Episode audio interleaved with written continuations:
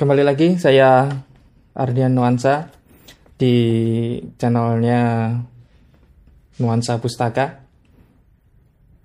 Kali ini saya ingin membagikan cerita atau membagikan pengalaman saya tentang membaca buku. Hmm, khususnya buku yang ingin saya bahas kali ini buku tentang puisi. Ya, kata orang-orang puisi itu adalah jalan sunyi. Sastra yang tidak banyak yang orang menyukai gitu ya. Kalau dulu sih, kalau sekarang banyak sekali teman-teman yang menulis puisi gitu dengan penerbitan-penerbitan indie. Uh, anak-anak muda juga banyak sekali yang suka dengan puisi-puisi yang cinta-cintaan gitu ya. Tapi buku puisi yang akan saya bahas masih tentang cinta-cintaan juga. Cuman ini agak unik gitu ya. Judulnya Kitab Para Malaikat. Ini sebuah antologi puisi dari Nurel Javis Sarki. Nurel Javis Sarki sendiri itu kalau di biografinya nama lahirnya adalah Nur Laili Rohmat. Kalau dia pakai nama lahir Nur Laili Rohmat gitu ya. Tentu saja teman-teman akan mengira dia adalah perempuan. Nur, Laili, dan Rohmat. Wah, ini perempuan, ternyata dia adalah laki-laki. Beliau lahir di desa Kendal, Karanggeneng Lamongan, tahun 1976. Tepatnya bulan Maret tanggal 8 gitu ya.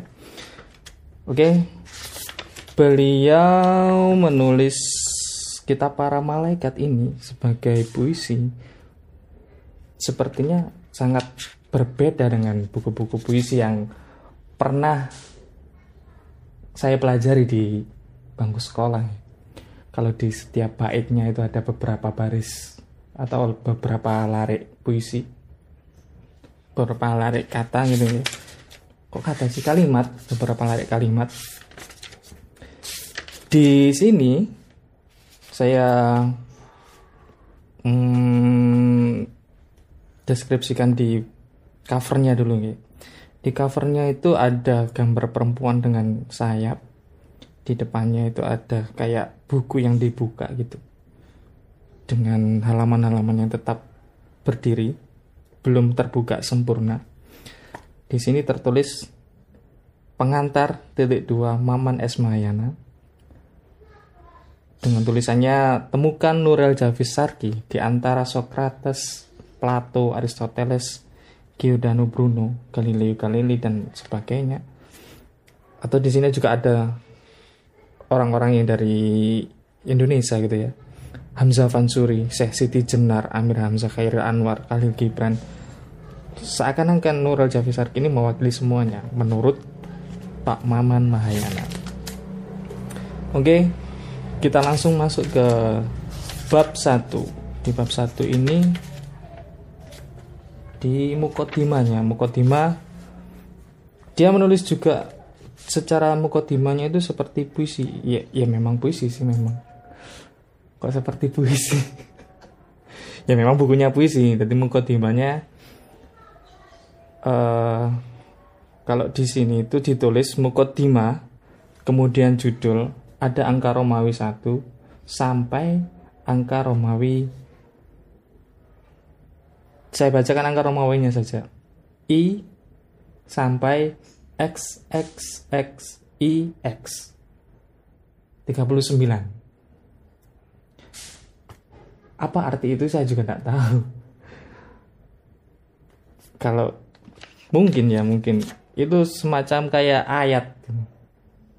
Di nomor ya berarti ini ayat pertama ayat kedua. Bisa saja saya artikan seperti itu atau hanya nomoran saja. Ini adalah puisi nomor satu puisi nomor dua puisi nomor tiga. Karena bentuknya sangat berbeda. Di sini ditulisnya seperti uh, tulisan esai gitu ya. Cuman bahasanya tetap bahasa yang puisi yang mengambang gitu. Saya bacakan di nomor satunya. Di Mukotima nomor satu.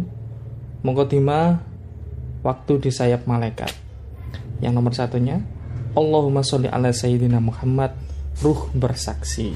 Sedar, sederayan gerimis mengantar rasa atmosfer semesta terkumpul di dasar laut di kedalaman rongga dada pujangga. Itu kalau dibaca mungkin teman-teman mendengarnya ya kayak puisi biasa, tapi kalau dengan lihat tulisannya ini bentuknya tidak seperti yang puisi-puisi pada umumnya itu. uh, puisi ini, buku ini terbit di tahun 2007 dan saya membelinya tahun 2009 kebetulan waktu itu ada acara bedah buku. Ya bedah buku buku ini kitab para malaikat ini saya bertemu langsung dengan Mas Nurelnya sendiri. Saya tidak ngomong apa-apa sementing saya beli bukunya saya minta tanda tangannya gitu aja. Bukan berarti saya ngefan ya saya itu pertama kali saya ketemu dengan Mas Nurel gitu. Ya sebagai pembeli ketemu dengan penulis apa salahnya saya minta tanda tangan? Sebagai tanda bahwa saya saya pernah bertemu dengan penulisnya gitu. Itu aja sih.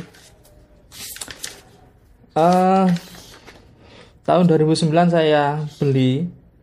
Kemudian saya hanya baca beberapa bab karena-karena beberapa bab gitu ya. Mukodima terus bab 1 setelah itu saya berhenti. Entah di bab 1 entah di bab 2 saya berhenti. Karena sangat bagi saya sangat sulit sekali untuk memahami ini. Apalagi saya waktu itu ya hingga saat ini sih masih belajar gitu. Masih belajar untuk untuk mengenal dunia sastra untuk me, me, melihat puisi-puisi itu seperti apa. Kalau di kelas di sekolah seperti itu di luar sekolah ternyata ada yang seperti ini dan ini dinamakan puisi.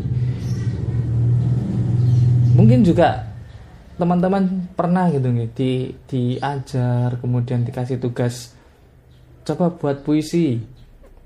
Ya kita ikut aturan yang berlaku di sekolah. Puisi itu sajaknya seperti ini. Kalau bersajak A A A atau A A A BB atau bagaimana ternyata ini um, ya tidak mengikuti aturan seperti itu apakah ini salah saya pikir tidak uh, banyak sekali kalau apa ya namanya kata-kata yang sangat sulit kalimat-kalimat yang sangat sulit dipahami Contoh aja di Mukotima tadi, saya lanjutkan yang bagian dua. Mengatup manggar sayang, mengadu dataran gurun. Gapean kalbu menyingkap suluran tabir. Berdentaman tembang ganjil. Saya pikir untuk memahami ini saya butuh catatan-catatan gitu ya. Terus saya di, di tahun 2009 membaca sedikit, saya berhenti, saya coba baca lagi bagaimana cara membaca ini akhirnya saya coba tulis-tulis apa yang saya temukan gitu aja oh ini berarti ilham atau ini adalah inspirasi atau ya semacam hal-hal yang seperti itu. Saya kasih tanda di situ kecil tulisan kecil-kecil gitu. Ya tujuannya agar saya mungkin bisa memahami kalaupun gagal memahami juga tidak masalah. Loh, ini latihan untuk memahami puisi gitu ya di puisi ini juga di buku ini eh, banyak sekali kata-kata serapan dari bahasa Jawa. Ada bahasa-bahasa Jawa gitu. Contoh di di di di di, di bab berapa ini? Di bab satu nomor LXVI mengguyur lemah. Bukan berarti mengguyur lemah itu mengguyur dengan yang lemah gitu. Lemah lembut bukan. Tapi mengguyur lemah itu mengguyur tanah. Lemah sendiri itu bahasa Jawa. Mengguyur lemah membangkitkan kelahiran. Atau memang dia bukan serapan gitu. Memang kelemahan yang diguyur biar bangkit ya bisa saja seperti itu. Tapi saya mungkin mengartikannya sebagai mengguyur lemah itu mengguyur tanah mengguyur lemah membangkitkan kelahiran mengguyur lemah membangkitkan kelahiran. Kau bangun wajah berseri menyambut ke kupu dari kepompong sutra hati. Nah kupu-kupu repetisi di sini bukan kupu-kupu tapi ke kupu. Apakah kupu-kupu itu repetisi gitu loh? Pertanyaannya kupu-kupu kura-kura, alun-alun. Terus apa lagi yang sebenarnya dia bukan repetisi tapi seolah-olah repetisi. Entah itu istilahnya apa saya lupa. Atau mungkin saya memang nggak tahu gitu ya. Kupu-kupu disebutnya ke kupu. Hmm, terus di bukunya Mas Nurel ini uh, ya masih saya yang saya bilang tadi ya percintaan percintaan itu ada. Coba saya cari dulu yang percintaan percintaan hmm, gini seperti di bab satu saja bab satu nomor X gitu ya. Ini dia sangat memuja. Kok sangat sih? Dia memuja perempuan gitu loh. Perempuan itu kembang di petamanan mimpi. Siapa tandas menghirup kedalamannya misteri kelembutan bakal sampai. Sehalus tirai kabut berwarna-warni di kutub mahakasih ini kan seakan uh, ada sesuatu yang di dalam perempuan itu yang sangat dia puja ya kalau diartikan sebagai sofistik juga mungkin bisa ya entah apa gitu. Ya kalau di bait-bait yang lain saya pikir Mas Nural ini sangat sofistik di awalnya saja dia sudah jelas-jelas menuliskan Allahumma sholli ala Muhammad. Menunjukkan dia bahwasanya dia orang Islam yang bersolawat kepada nabinya Kemudian ruh bersaksi, sedarayan gerimis mengantar rasa atmosfer semesta, terkumpul di dasar laut di kedalaman rongga dan dabu jangga. Kalau di peribahasa yang yang sering kita dengar itu, kalau dalamnya laut bisa dikira, tapi di dalamnya hati siapa tahu. Ya mungkin itu rongga bujangga itu. Terus di buku ini saya hampir tidak menyelesaikannya, hampir tidak menyelesaikannya. Tahun 2009, 2010 kadang kala saya coba membaca, saya coba pahami, tapi akhirnya saya taruh lagi gitu ya. Taruh lagi saya di tahun-tahun sekitar segitu sangat jarang sekali ada kegiatan untuk bedah buku. Yang banyak kegiatan membaca puisi, kegiatan pertemuan teman-teman teater. Ya, saya akhirnya memilih buku-buku yang lain yang sebenarnya lebih yang buat saya lebih mudah untuk saya pahami atau yang lebih menghibur lah. Katakanlah cerpen atau novel gitu ya buku puisinya Mas Nurel saya letakkan sampai sekitar tahun 2017 atau 2018 saya berusaha untuk menyelesaikannya. Entah paham atau tidak paham yang penting saya sudah selesai membaca. Itu. Ya sangat sulit. Sangat sulit bagi saya untuk menuliskan apa yang saya tangkap ketika membaca atau saya tuliskan itu juga sulit. Ya akhirnya saya sekedar membaca saja.